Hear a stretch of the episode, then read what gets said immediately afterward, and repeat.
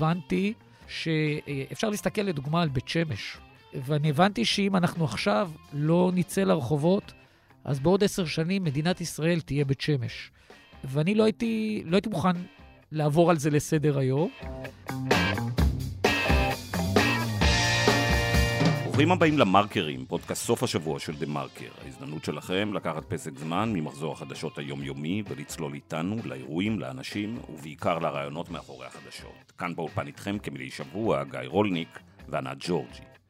שמענו בפתיח את יהודה פולק, מוביל יוזמת שוויון בנטל מול המגזר החרדי בתנועת אחים לנשק. שלום ענת. שלום גיא. נו, איך היה החג? היה יום העצמאות, כמו כל יום העצמאות. הרבה בשר, שלא, אני, אומר? שלא אני אכלתי. היינו עם חברים, עשינו על האש.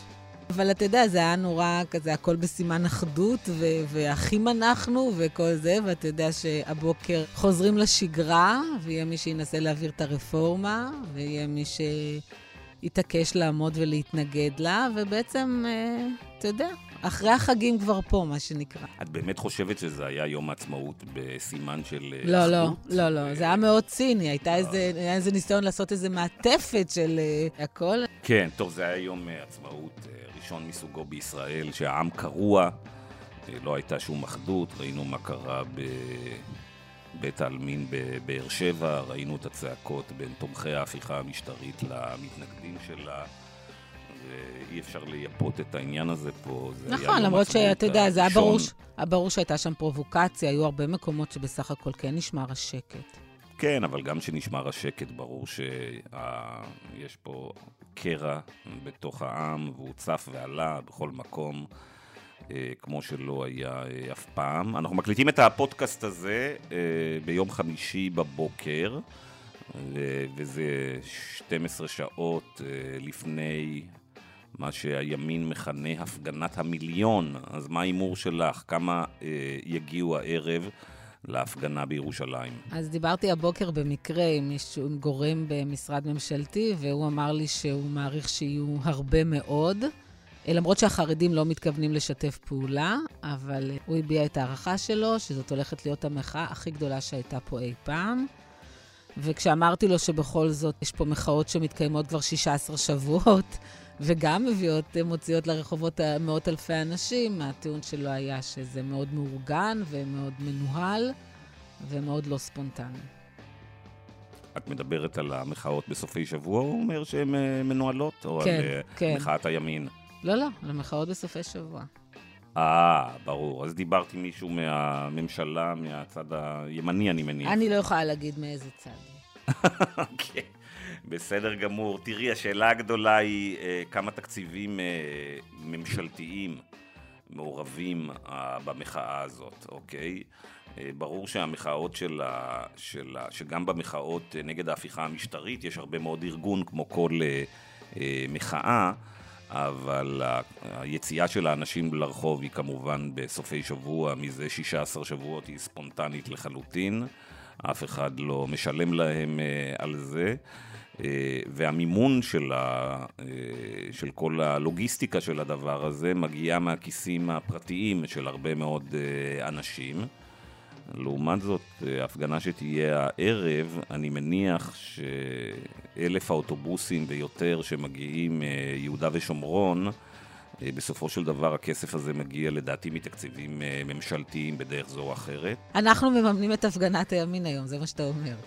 תראי, זה גם קצת מוזר. יהיו בהפגנה הזאת לדעתי הרבה מאוד אנשים שבמישרין או בעקיפין אה, מחוברים לתקציב הממשלה, והיא תמומן על ידי תקציב הממשלה, והיא הפגנה למען הממשלה, שזה גם דבר די, אה, די ייחודי, ובכלל אני חושב ש...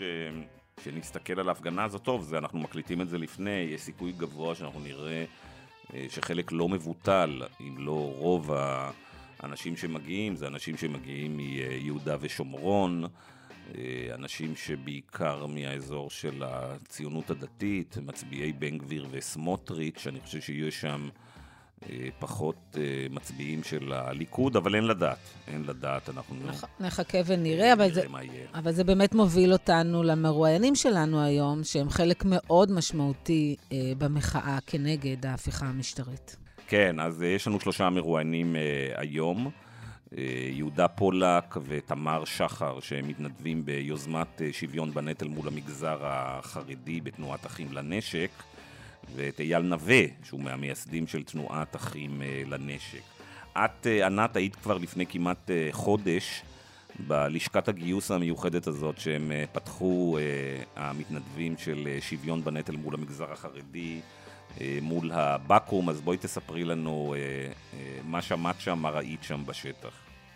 אז באמת הגעתי מאוד מאוד ספקנית באשר ליכולת לנהל איזשהו שיח בין חילונים וחרדים. הרעיון הוא בעצם שהם הקימו אוהל מול מה שנקרא לשכת הגיוס לחרדים, שזה למעשה אה, מין ביטן כזה שבו הם מקבלים או מחדשים את הפטור שלהם, והם בעצם מחכים לחרדים שמגיעים. ומנסים לדבר איתם. ובהתחלה אתה רואה שככה הצעירים החרדים מאוד חוששים ובורחים אפילו, ולאט לאט חלק מהם מנסים אה, להתקרב ומתחילים לדבר. ובלי המנהיגים שלהם לידם, אתה שומע באמת מהשטח איך זה נראה, מה הם חושבים על החילונים, מה הם חושבים על גיוס לצבא, ממה הם חוששים. אה, באופן מפתיע, הרבה אמרו שזה יכול לפגוע להם בשידור, שזה בעצם נשק מאוד מאוד אה, משמעותי, בטח לצעירים. הם מאוד חוששים מהחילונים, אבל חלק אמרו שהם גם uh, בעצם מתנדבים במד"א, בכל מיני מקומות אחרים, ומרגישים שזאת התרומה שלהם. היו לא מעט שטענו שבעצם זה שהם מתפללים, הם מצילים את עם ישראל מהמלחמות. ואי אפשר היה להסביר להם שלא בטוח שזה יעבוד לנו כשיפול פה טיל איראני. זה היה מאוד מעניין. אה, אנחנו תכף נשמע גם את יהודה וגם את תמר, שנמצאים שם באמת הרבה יותר ממני, על הקולות ומה שעולה בשיחות האלה. זה באמת מרתק. אוקיי, ענת, אז uh, מיד uh, מתחילים. Uh, אייל נווה, מהמייסדים של תנועת אחים לנשק, כבר איתנו uh, באולפן.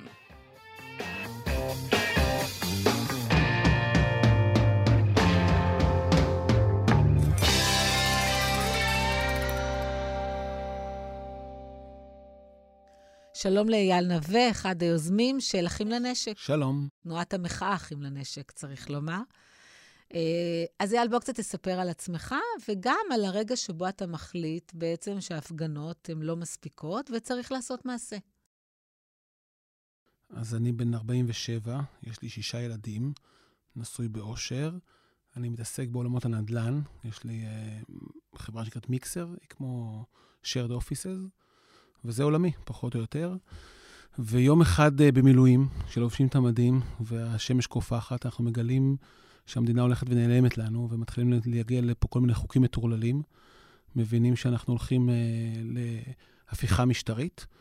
אז עוד קראו לזה רפורמה, היום כולם מבינים שזה הפיכה משטרית, ואנחנו יושבים במילואים, כמה חברים, וקוראים את העיתונים בארוחת צהריים, ופתאום uh, השמיים נופלים, ואומרים, חבר'ה, חייבים להתחיל לעשות משהו. על איזה יחידה אנחנו מדברים?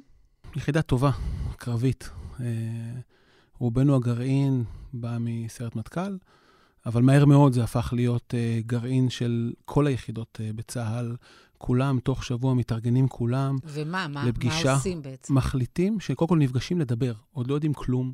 חבר'ה שמעולם לא הפגינו, לא מכירים את העולם הפוליטי, מבינים שהמדינה נמחקת מתחת לרגליים, ומחליטים קודם כל להיפגש, עוד לא מבינים מה עושים, עוד לא מבינים מה רוצים.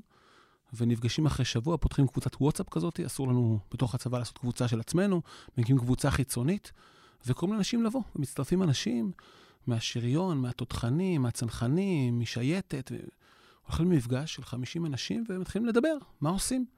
וכל אחד מבין את המצוקות, ומבין שהמדינה אה, עוברת מהפך אדיר, ואומרים, אנחנו מצטרפים למחאות. ומה הפעולה הראשונה שבעצם אתם עושים? אנחנו יוצאים למסע, קובעים שעושים מסע. אומרים, אנחנו חיילים, נעשה מסע סזיפי, ניכנס מתחת לאלונקה, נלך שלושה ימים, לא הפגנה של שעה, אלא נראה את המסירות. הולכים מלטרון לירושלים במשך שלושה ימים. כל יום הם מצטרפים אנשים, קור, גשם, בטוחים שיבואו אה, עשרה אנשים לצעוד לצידנו, וכבר ביום הראשון מגיעים אלף איש, ואחר כך ביום השני אנחנו כבר 2,500 איש, ומסיימים בבית המשפט העליון עם 7,000 איש.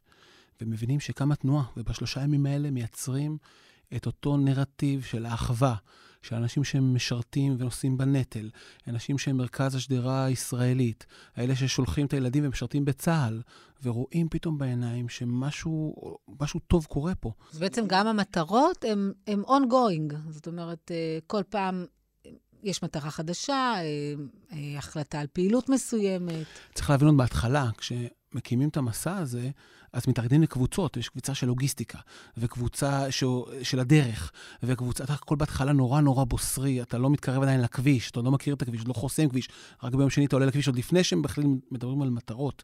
אלא יש תהליך שאתה עובר, אני זוכר את עצמי במסע הזה, עולה פעם ראשונה על כביש בחיים שלי, וחוסם כביש. זה כאילו אירוע מכונן, כל ה... ממש אנדרנלין מטורף, ועצרנו את הכביש בישראל, וזה הטירוף הגדול. אה, כולנו בשנייה אחת מתארגנים ככוח אחד, ולאט לאט באמת בונים את המתודולוגיה ואת המסרים. כמה אתם היום? אנחנו היום בקבוצות 35 אה, אלף איש, אנחנו כוח מוביל. יש בקבוצה בכלל 200 אנשים שהם המנוע שמוביל, כמו, וכל אחד לוקח את המשימה שלו ומוביל אותה, לא משנה, גדולה כקטנה, קטנה כגדולה, כולנו חלק מהדבר הזה. אני רוצה אה, להגיד לך שיש מי שאומר שצריך להשאיר את הצבא בחוץ, ואתה רוצה למחות, אז זה מחאה אזרחית, אבל אנשי המילואים צריכים להישאר במילואים ולא להשתמש בכוח הצבאי שלהם לצורך המחאה. מה אתה עונה על אמירות כאלה? אנחנו אזרחים מודאגים, וכאנשי מילואים שמוכנים לעשות הכל למען המדינה, אוהבים את המדינה. המדינה היא חלק, היא זורמת לנו בדם עם המון אהבה, אני חושב שיש לנו say בדבר הזה. אנחנו עוזבים את הקריירה ואת המשפחה ואת העבודה, ובאים לשרת את המדינה, וככה אנחנו תופסים את עצמנו.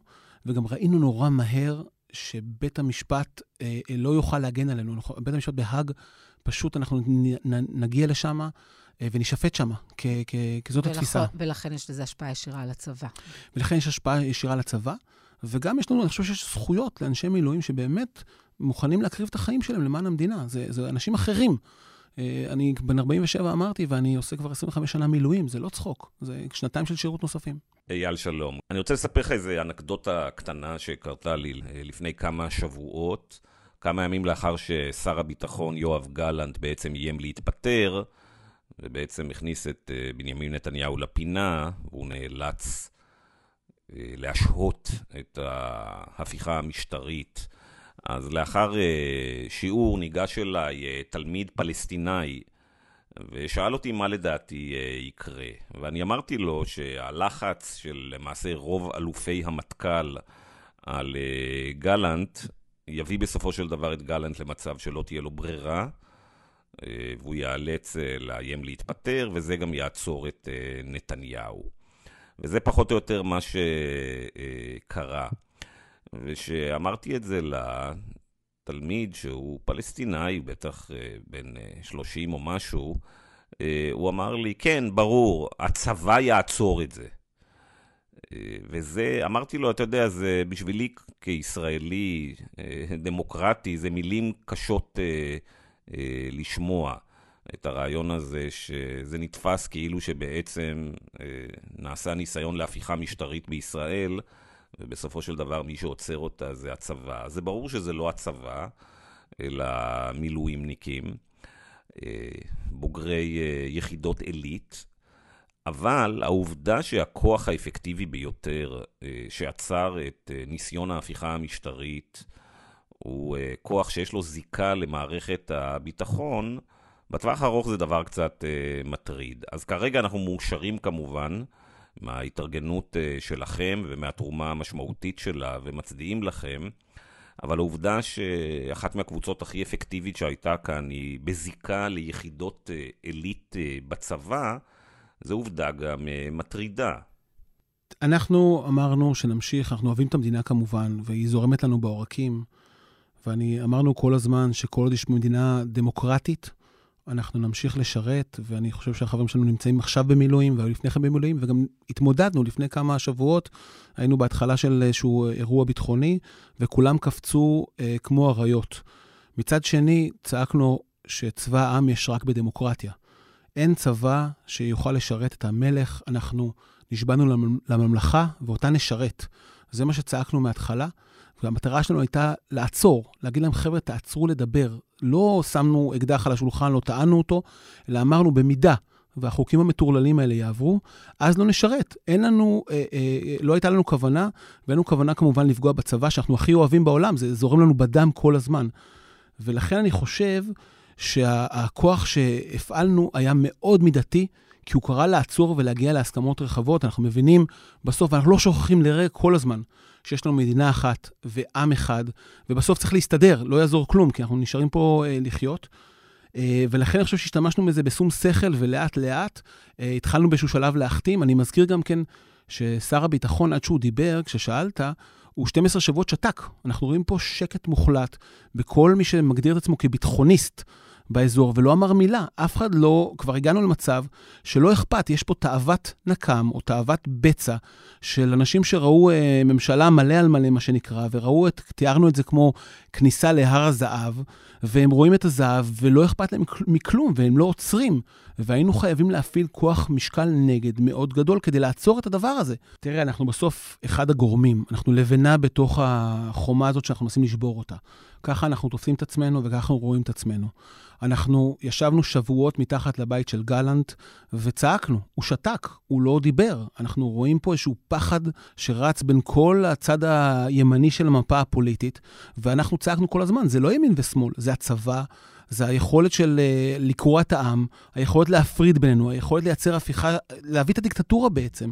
ולכן אני חושב שהיינו חייבים לבצע את המהלך הזה, לשים את כל כובד משקלנו. אני כמובן חושב שהטייסים הם החוד החנית של הדבר הזה, ואנחנו מצדיעים להם ומחבקים אותם, אה, והם הובילו את התהליך אה, המשמעותי ביותר. כי בסוף אנחנו באמת נשבענו לממלכה, ואותה אנחנו רוצים לשרת, וככה תפסנו את עצמנו, וככה גם היום. אין לנו זכות אה, מוסרית להפיל את הממשלה. יש לנו זכות להילחם בממשלה שעושה תהליכים לא לגיטימיים. לא לגיטימי לשנות כללי המשחק ולהביא לפה את הדיקטטורה.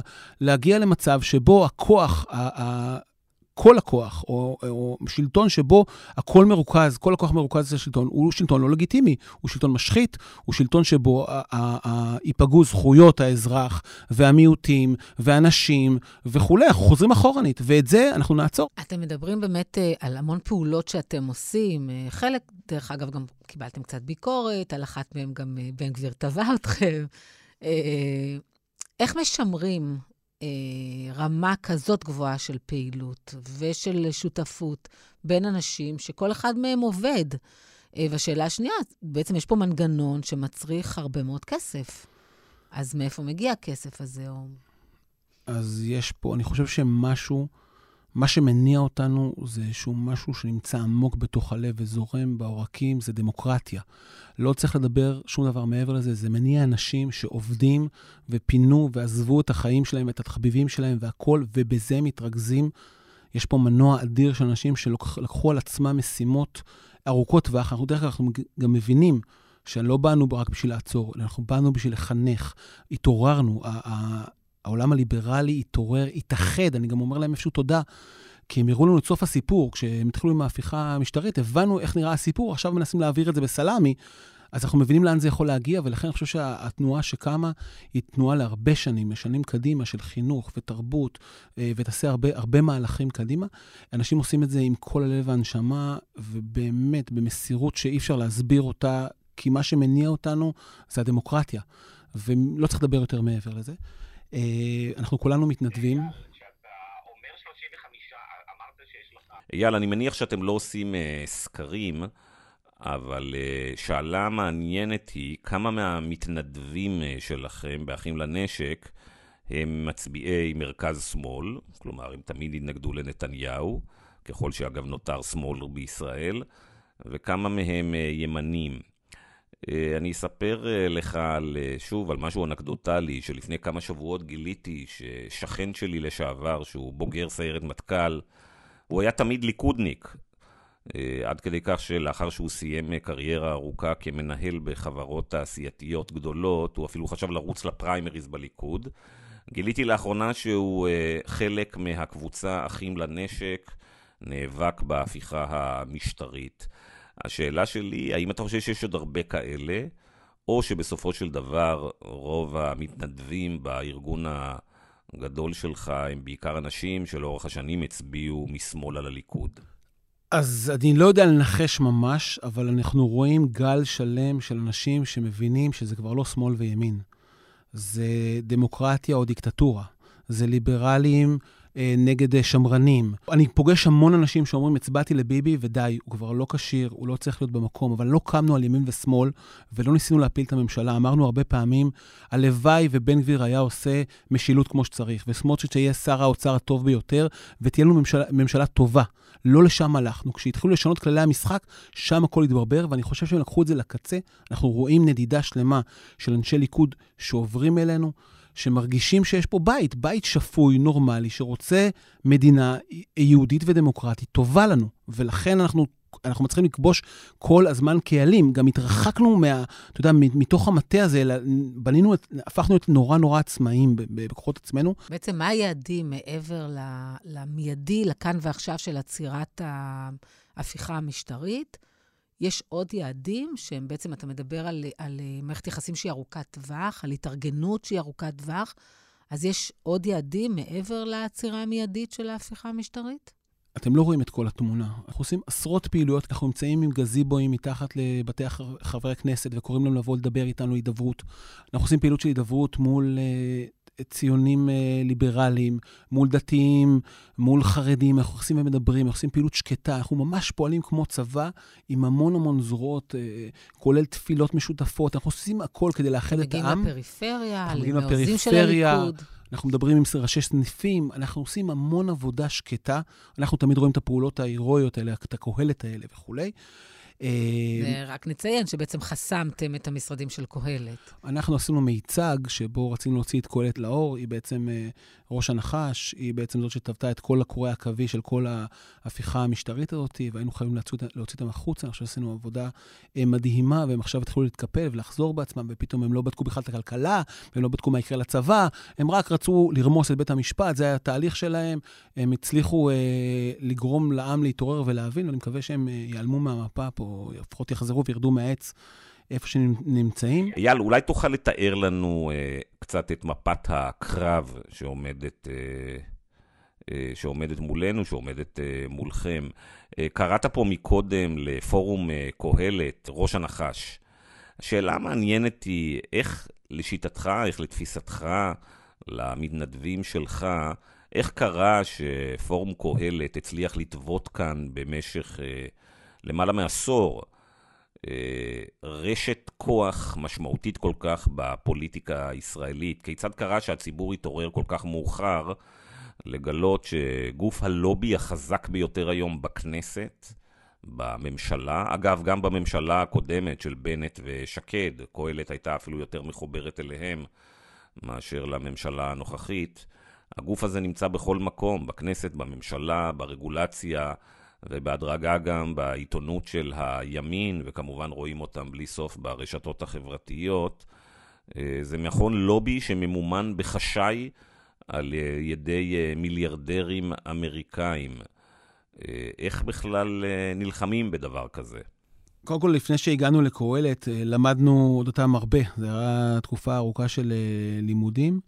ובאמת ראינו איך במשך 11 שנה הם הגיעו לכל חור אפשרי, הם נוגעים בכל דבר, כולל עמותות קש מאחורנית, כולל אידיאולוגיה מאוד ברורה, מאוד משיחיסטית, מאוד אה, אה, ארץ ישראל השלמה, מאוד הורדת בג"ץ, מעבר הכוח לבית המשפט, אה, הורדת הכוח מבית המשפט העליון, העברתו לרשויות. אה, מנכ"ל אה, קהלת, הוא הוריו אה, מפוני גוש קטיף, הוא עבר את ההתנתקות, הוא עם פצע ותחושות נקם מאוד גדולות, ראינו את זה תוך כדי. והכנו להם פעילות שתוציא אותם החוצה ברמה הזאת. אנחנו גוף שיש לו, הוא מבוזר, כי יש לנו המון המון פעילות שאנחנו עושים, יש מי שעושה את המבצעים המיוחדים האלה. Uh, הכל מתוכנן בקפידה, הבטיחות מעל הכל, אנחנו, כל, יעדים, כל היעדים שאנחנו בוחרים הם יעדים שנועדו לפרק את החומה הזאת, הבצורה הזאת, וככה אנחנו עובדים. Uh, גם לתת גב מאוד גדול למחנה שלנו, גם לשמור על uh, בג"ץ, גם על היועצת המשפטית. אנחנו בעיקרון לא מרפים, אנחנו עובדים בכל המגזרים כדי לייצר סדקים, סדקים מיקרוסקופיים, מדברים עם כולם. אני חושב שאנשים גם לא הבינו מספיק מה הם עושים. אני חושב שבדרך שהם עבדו, בנחמדות הזאת, בצורה הזאת שבהם הם אה, טובים את החוטים, אתה לא מבין שזה נסגר לך על הצוואר. שפורום וכש... קהלת, זה אתה מדבר על הפעילות של קהלת. פורום קהלת, אתה לא מבין. כשאנחנו מדברים עם חברי כנסת, הם לא הבינו מה יש, הם לא הבינו את הפצצה שמונחת. הם עשו את זה בתהליך מאוד מחוכם, ואני חושב שאת זה הצלחנו לפרק היום. אני אומר את זה ברמה שאנחנו נכנסים לחברי הכנסת והם מוציאים אותנו אחרי דקות ואומרים, די, אתם נותנים לנו יותר מדי מידע, אתם מפריעים לנו. הם עם דף מסרים נורא פשוט, ואני חושב שגם הדרך שבו ראש הממשלה פשוט נהיה לחיץ. ראינו את זה במשא ומתן, ראינו את זה כרגע, והוא פשוט הכל, הוא נכנע להכל. ולכן הם הצליחו גם לעבור, וזה גם מה שעיוור אותם, וזה מה שפתח לנו את, ה, את העיניים.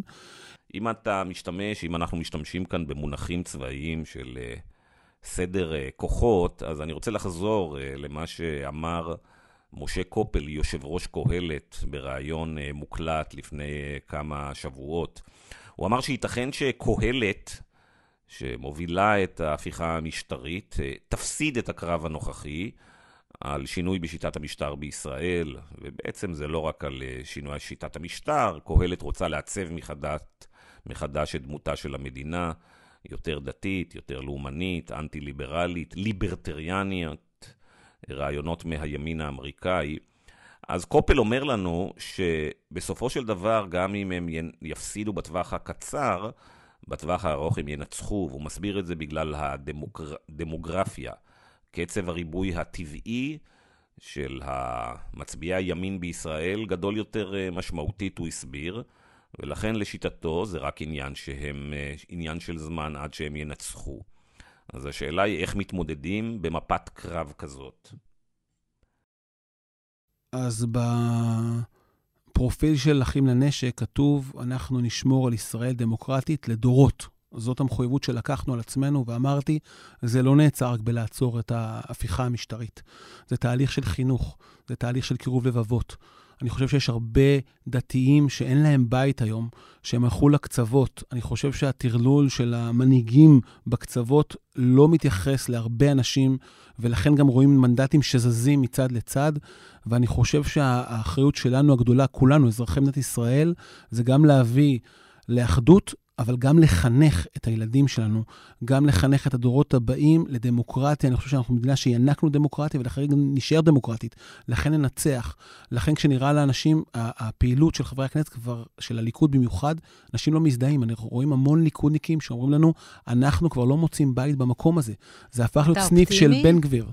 אה, ברמה הזאת, ואני חושב שהם מבינים את זה. אני חושב שהליכוד צריך לחזור לערכים שלו, יש לו אנשים מדהימים. אה, אני מאוד אופטימי.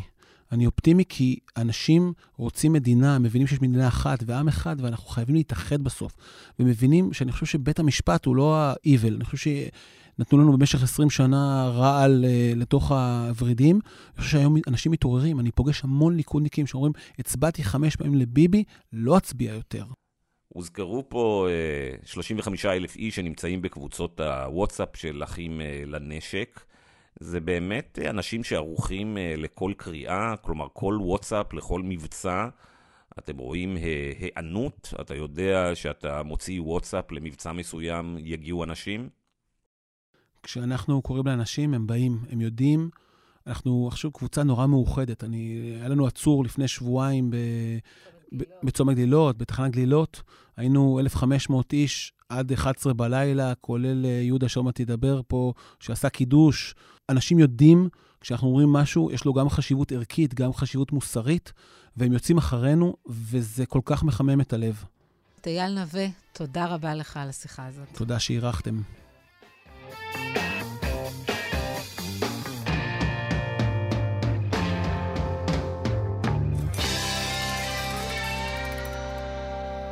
יפה, אז שלום ליהודה אה, פולק, מוביל יוזמת שוויון בנטל מול המגזר החרדי בתנועת אחים לנשק. שלום. ושלום לתמר שחר, מתנדבת ביוזמה של שוויון בנטל מול המגזר החרדי. אהלן.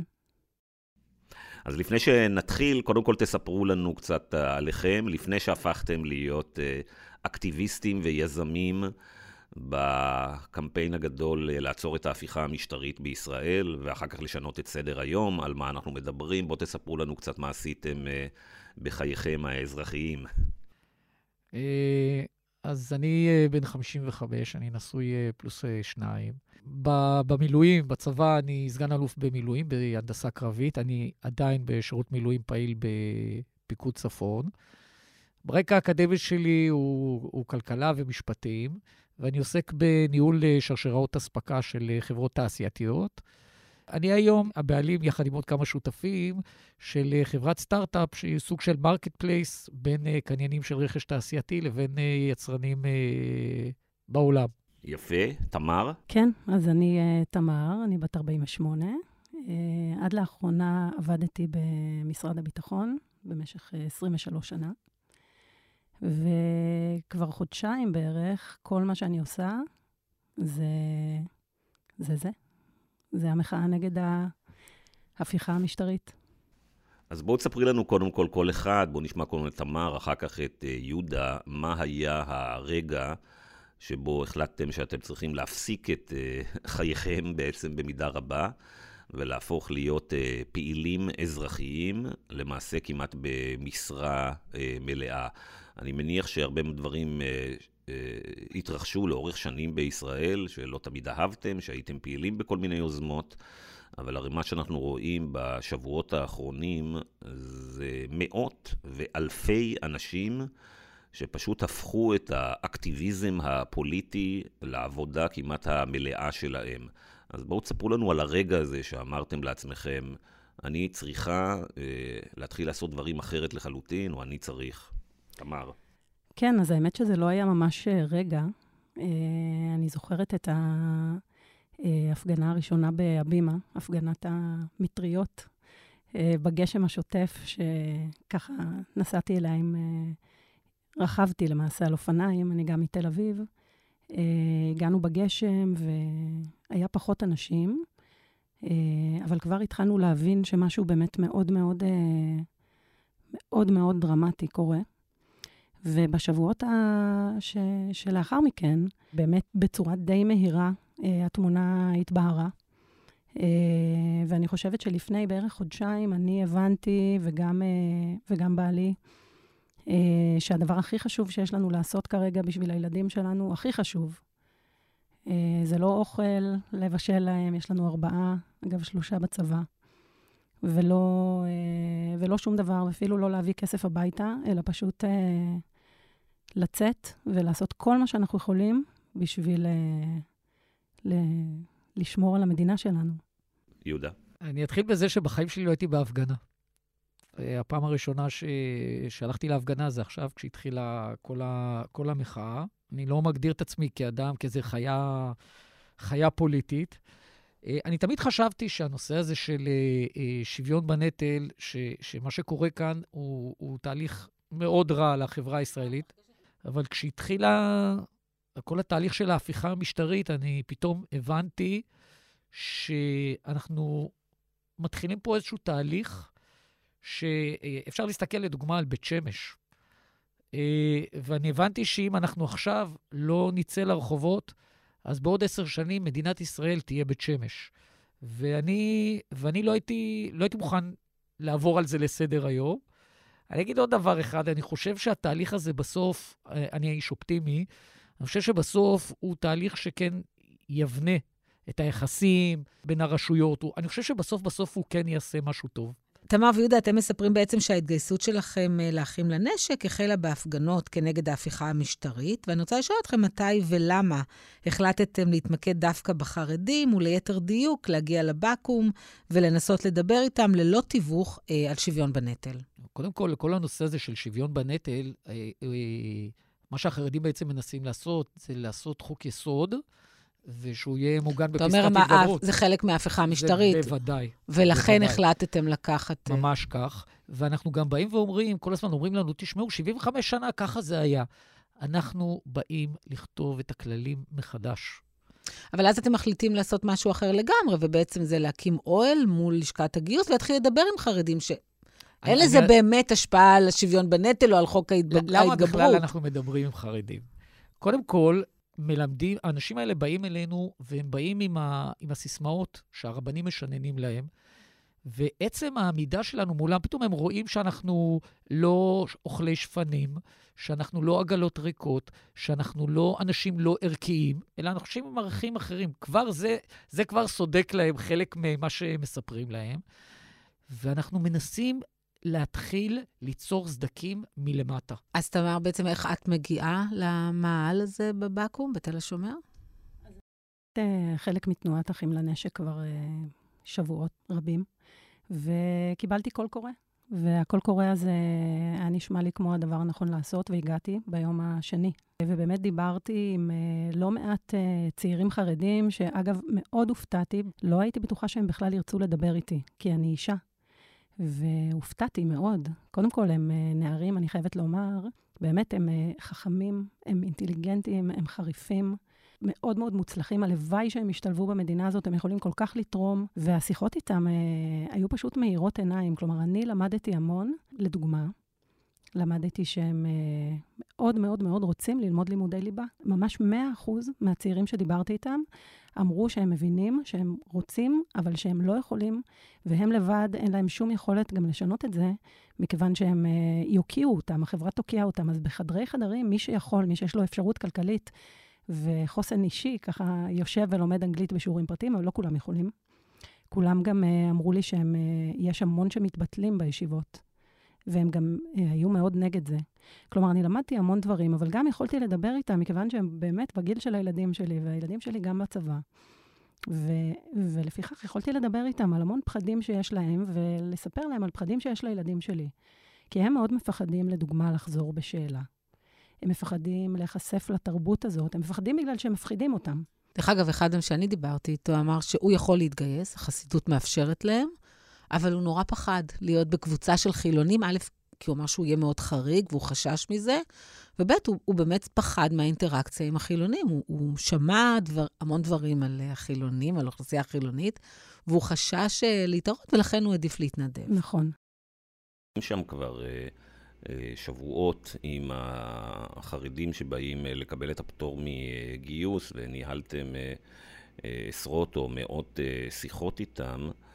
האם התמונה העולה, אני יודע שזה הכללה כמובן, מה שאני שואל, האם התמונה העולה היא של צעירים ששבויים בידי ההנהגה שלהם, ששוטפת להם את המוח כדי לשמר את שליטתם אה, שמביאה להם כמובן אה, תועלות עצומות, גם אה, פוליטיות וגם כלכליות, להנהגה הקטנה של החברה החרדית, או שאי אפשר לכנות אותם כצעירים שבויים, והם פשוט רובם לא רוצים לקחת חלק בריטואלים של החברה החילונית.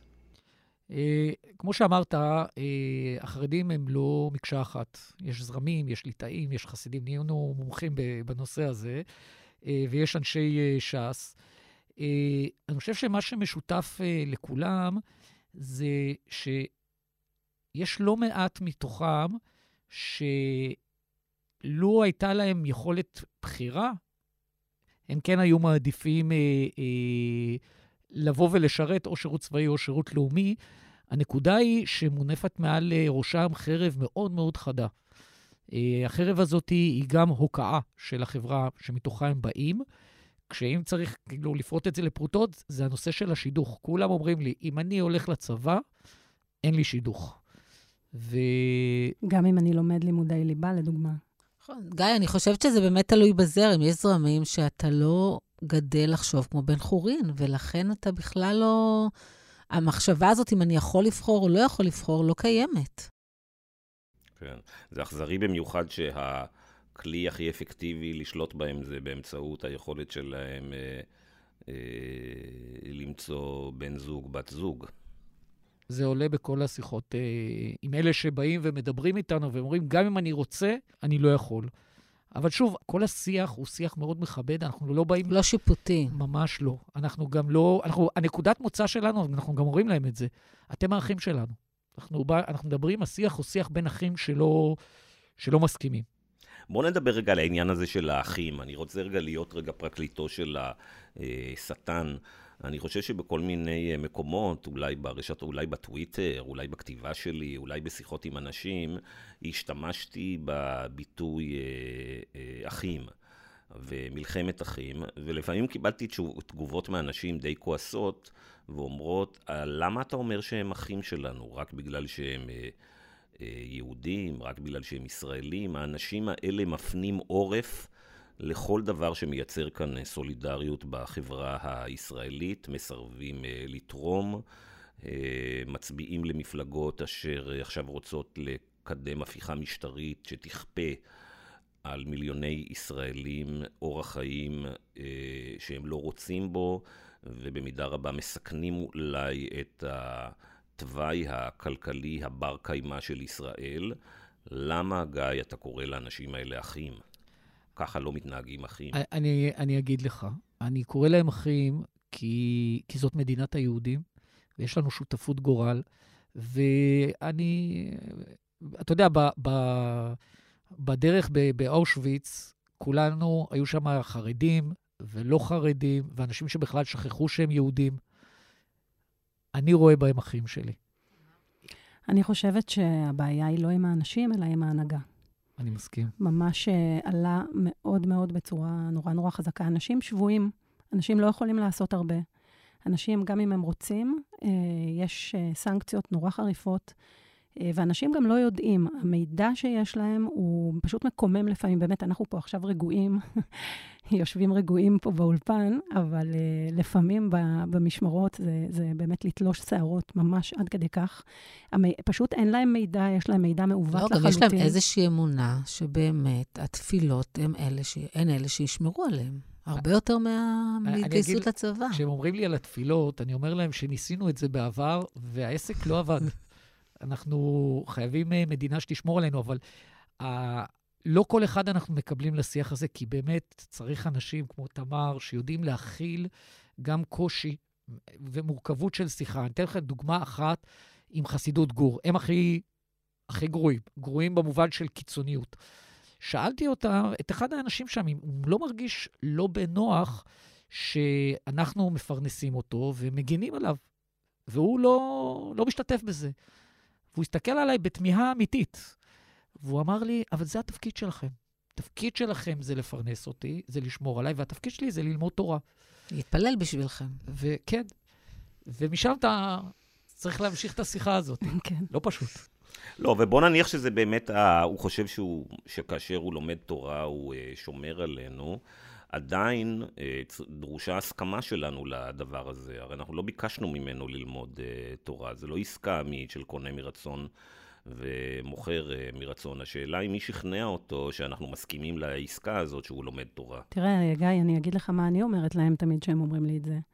אני, אני אף פעם לא מתנגדת ללימודי תורה. אני חושבת שזה אחלה ללמוד תורה, אני חושבת שזה נהדר. אני חושבת שאפשר לשלב אני חושבת שאין שום בעיה ללכת לשירות צבאי או לאומי ממלכתי, משמונה עד ארבע אחר הצהריים לפחות, ובארבע ללכת ללמוד תורה למשך שנתיים או שנתיים וחצי או שנה ושמונה או כמה שיוחלט. אין שום צורך לה, לעשות uh, מצב של או-או. יש מצב של גם וגם, והמצב הזה מתקיים אצל הילדים שלנו בחלקם, uh, והמצב הזה יכול להתקיים גם אצלם, ובכלל לא צריך לבחור. גיא, אני רק רוצה להגיד לך משהו על העניין הזה של העסקה. העסקה הזאת מתבצעת בין המנהיגים שלנו למנהיגים שלהם כבר הרבה מאוד שנים.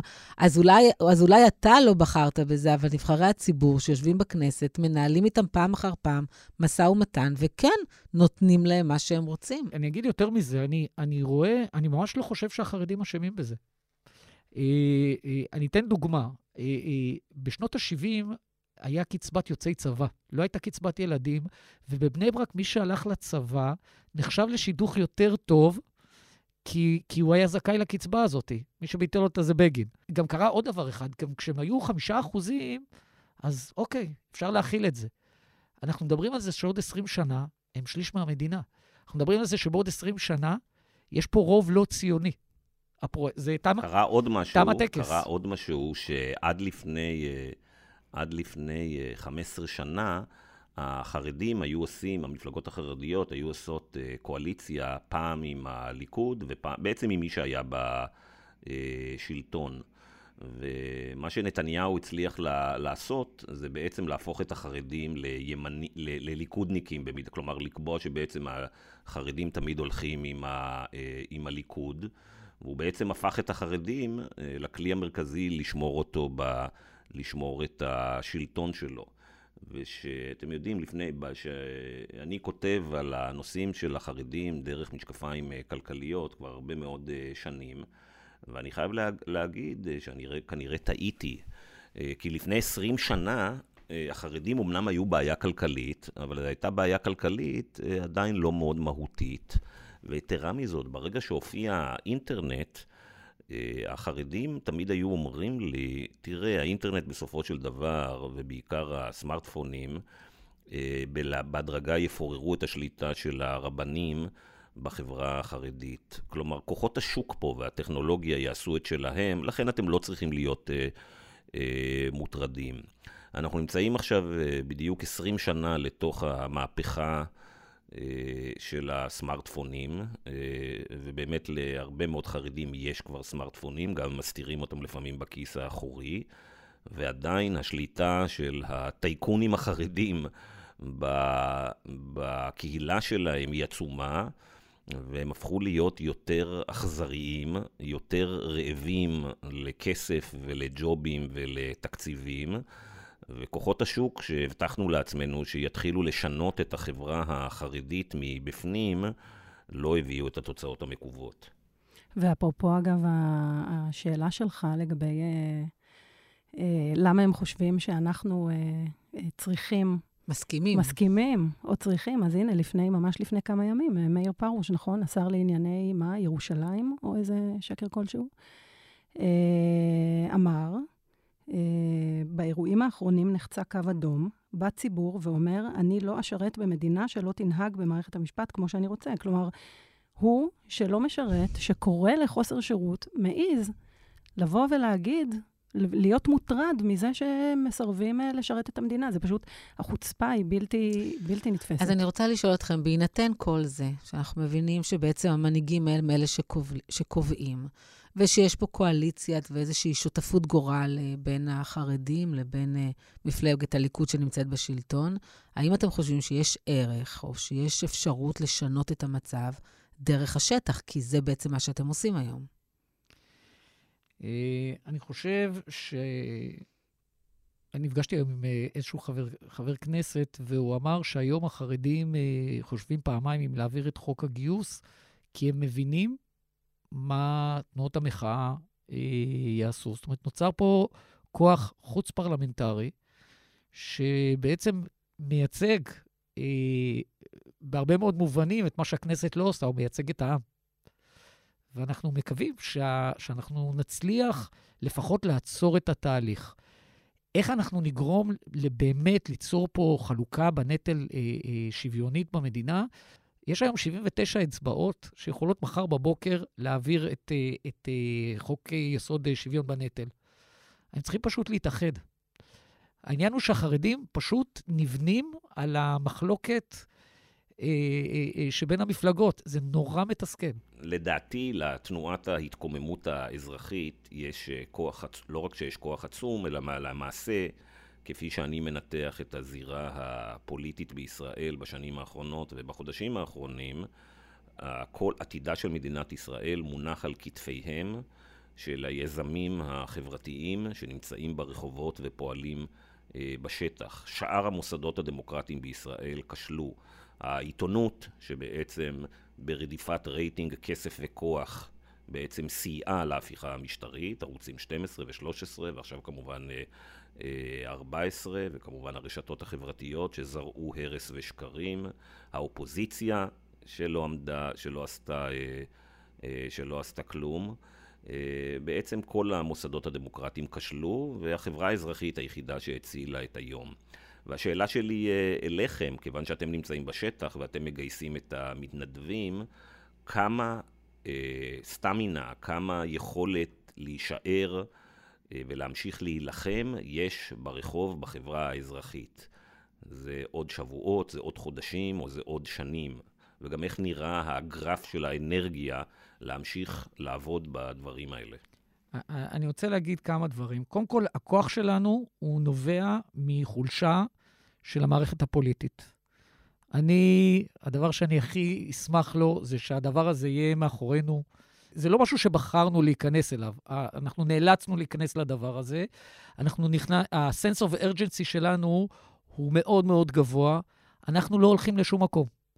אני שמתי את כל עיסוקיי בצד, וזה מה שאני עושה, ויש כמוני רבים וטובים. ואני לא רואה, מהפידבקים שאני מקבל מהשטח, אני לא רואה דעיכה ב- באנרגיה. אני צריך למלות משמרות, זה לא פשוט למלות משמר, משמרות של 20 איש כל יום. אני, אני שם את זה, אני שם את הלינק של הטבלה, וכמה שעות אחרי זה, הטבלה לכל השבוע של המשמרות מתמלאת. אז לשאלתך, אנחנו פה, עם, בפול, אה, בפול גז. תמר? כן, אני מסכימה. אנחנו פה לכל זמן שצריך, ואני רוצה גם להגיד לך שהמחאה הזאת, כמו שהיא אה, מכלה אנרגיות מעייפת ובאמת אה, מתישה לפעמים, ככה היא גם ממלאת. אנשים מדהימים אנחנו פוגשים כל הזמן. כמה שעות ביום את מתנדבת? זה, זה לא לפי שעות, אה, אבל זה יכול להיות, אה, קודם כל זה גם כולל סופי שבוע כמובן, זה, זה כל הזמן, זה כל הזמן מעסיק וכל הזמן עושים את דברים. את גם כותבת בעצם אה, חלק ממי שמנסח את המסרים, נכון? מעבר לזה שאת נמצאת בבקו"ם, את מאוד פעילה בניסוח מסרים, בהתמודדות עם תקשורת, נכון? כן, מה שצריך, כל אחד עושה מה שצריך. אנחנו ממש בשיטת אנו באנו, אבל ב... ב במובן הטוב שלה. זאת אומרת, באמת כל אחד תורם כמה שהוא יכול, ו- ויש המון שתורמים הרבה מאוד, ואנחנו לא נוותר עד שאנחנו נצליח. ואתם מרגישים שהמעגלים גדלים של המתנדבים בשבועות האחרונים? אני לא יודע אם גדלים זאת המילה, אני חושב שאנחנו נכנסנו במאה הקמה של הסיפור הזה, ו- וכולם אה, אה, רצים בקצב, בקצב הזה. זאת אומרת, זה, זה, אני לא גדל, כי, כי פשוט אני כבר, יש לי את כל מה שאני צריך כדי לנהל את הפעילות הזאת גם, אה, גם אה, עוד שנה אה, קדימה.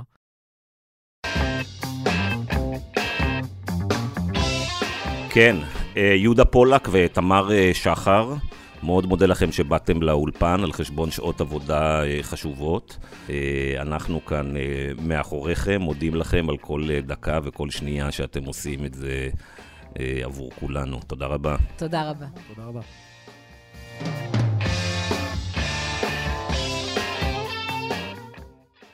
טוב, ענת, איך את מסכמת את הרעיון? שאין ספק שיש פה כוחות מאוד נחושים וחזקים אה, שלא מתכוונים לוותר. אה, אני חושבת שהלקח מפולין אולי נלמד פה, ועד שלא תהיה איזושהי החלטה סופית, אה, אפילו אולי עם הסתכלות ארוכת טווח. אני לא חושבת שהמחאה אה, תיפסק, או אפילו אה, תוריד הילוך. כן, הלקח מפולין וב, אה, והונגריה, אין ספק שנלמד. אה, יש אה, פה חברה אזרחית אה, משמעותית שלא מתכוונת אה, אה, לוותר. אני אגב חושב שככל שיהיו יותר אנשים בהפגנת הימין, בהפגנה בעד ההפיכה משטרית, זה ייתן יותר כוח להפגנות דווקא נגד, בגלל שמאות אלפי, מיליוני ישראלים שלא רוצים לראות אה, שינוי דרמטי אה, בדמותה של המדינה הזאת ומאוד חוששים מהשתלטות של סדר יום לא ליברלי, אה, דתי, קיצוני, פופוליסטי על מדינת ישראל, מבינים לראשונה אה, שהם חייבים אה, להיאבק על דמותה הדמוקרטית של מדינת ישראל ועל דמותה אה, בכלל. ואני חושב שגם יותר ויותר אנשים מבינים, ואולי יבינו בהמשך, שאת המאבק הזה, את המערכה הזאת חייבים לנצח, כי אם נפסיד כאן, אז את הקרבות הבאים יהיה לנו יותר קשה אה, לנצח, אז הולכים כאן, אה, עם, אה, הולכים כאן מתוך פחד אמיתי, אני חושב. ומתוך הבנה שאי אפשר להפסיד את המערכה הזאת. וגם מתוך אהבה מאוד גדולה למדינה הזאת, זה משהו שאתה שומע המון. אני יכולה להגיד לך שכשהייתי מול הבקו"ם, אמר לי אחד אה, מתנדבים שם, שהוא פעם ראשונה שהוא באמת מרגיש כמה הוא מחובר ואוהב את המדינה הזאת, ומדובר על מישהו שהיה חייל קרבי ומוכן להילחם למענה עד הסוף. אז, אז יש גם את החלק הזה. אני מסכים איתך לחלוטין, אני שומע את זה הרבה, אני חושב שהזהות הישראלית נכון. נולדת הישראלית, ואני אומר, לא היהודית, אוקיי? הזהות הישראלית של הרבה מאוד אנשים נולדה מחדש, נוצרה מחדש בשבועות האחרונים, ויש פה קבוצה מאוד גדולה באוכלוסייה אה, שמרגישה שזה הדקה התשעים לפני שנלקחת מהם אה, המדינה שלהם והזהות שלהם. ונלחמים כאן על, ה... על... ואנשים מבינים פתאום שעכשיו שמרגישים שזה הולך להילקח מהם, הם מרגישים כמה זה יקר להם, כמה זה חשוב להם, ואיזה מחיר הם מוכנים לשלם כדי uh, להילחם וכדי לשמור על זה. אוקיי, ענת, עד כאן להשבוע, מרקרים, אם אהבתם את הפודקאסט, אל תשכחו להירשם בחנויות הפודקאסים של אפל, ספוטיפיי וגוגל, וגם להשאיר uh, ביקורת. Uh, תודה רבה לאורחים שלנו השבוע, יהודה פולק, תמר שחר ואייל נווה. תודה רבה למפיק אמיר פקטור, תודה לעורכת נהרה מלקין. תודה לך, ענת. תודה, גיא, ולהתראות בשבוע הבא. להתראות בשבוע הבא.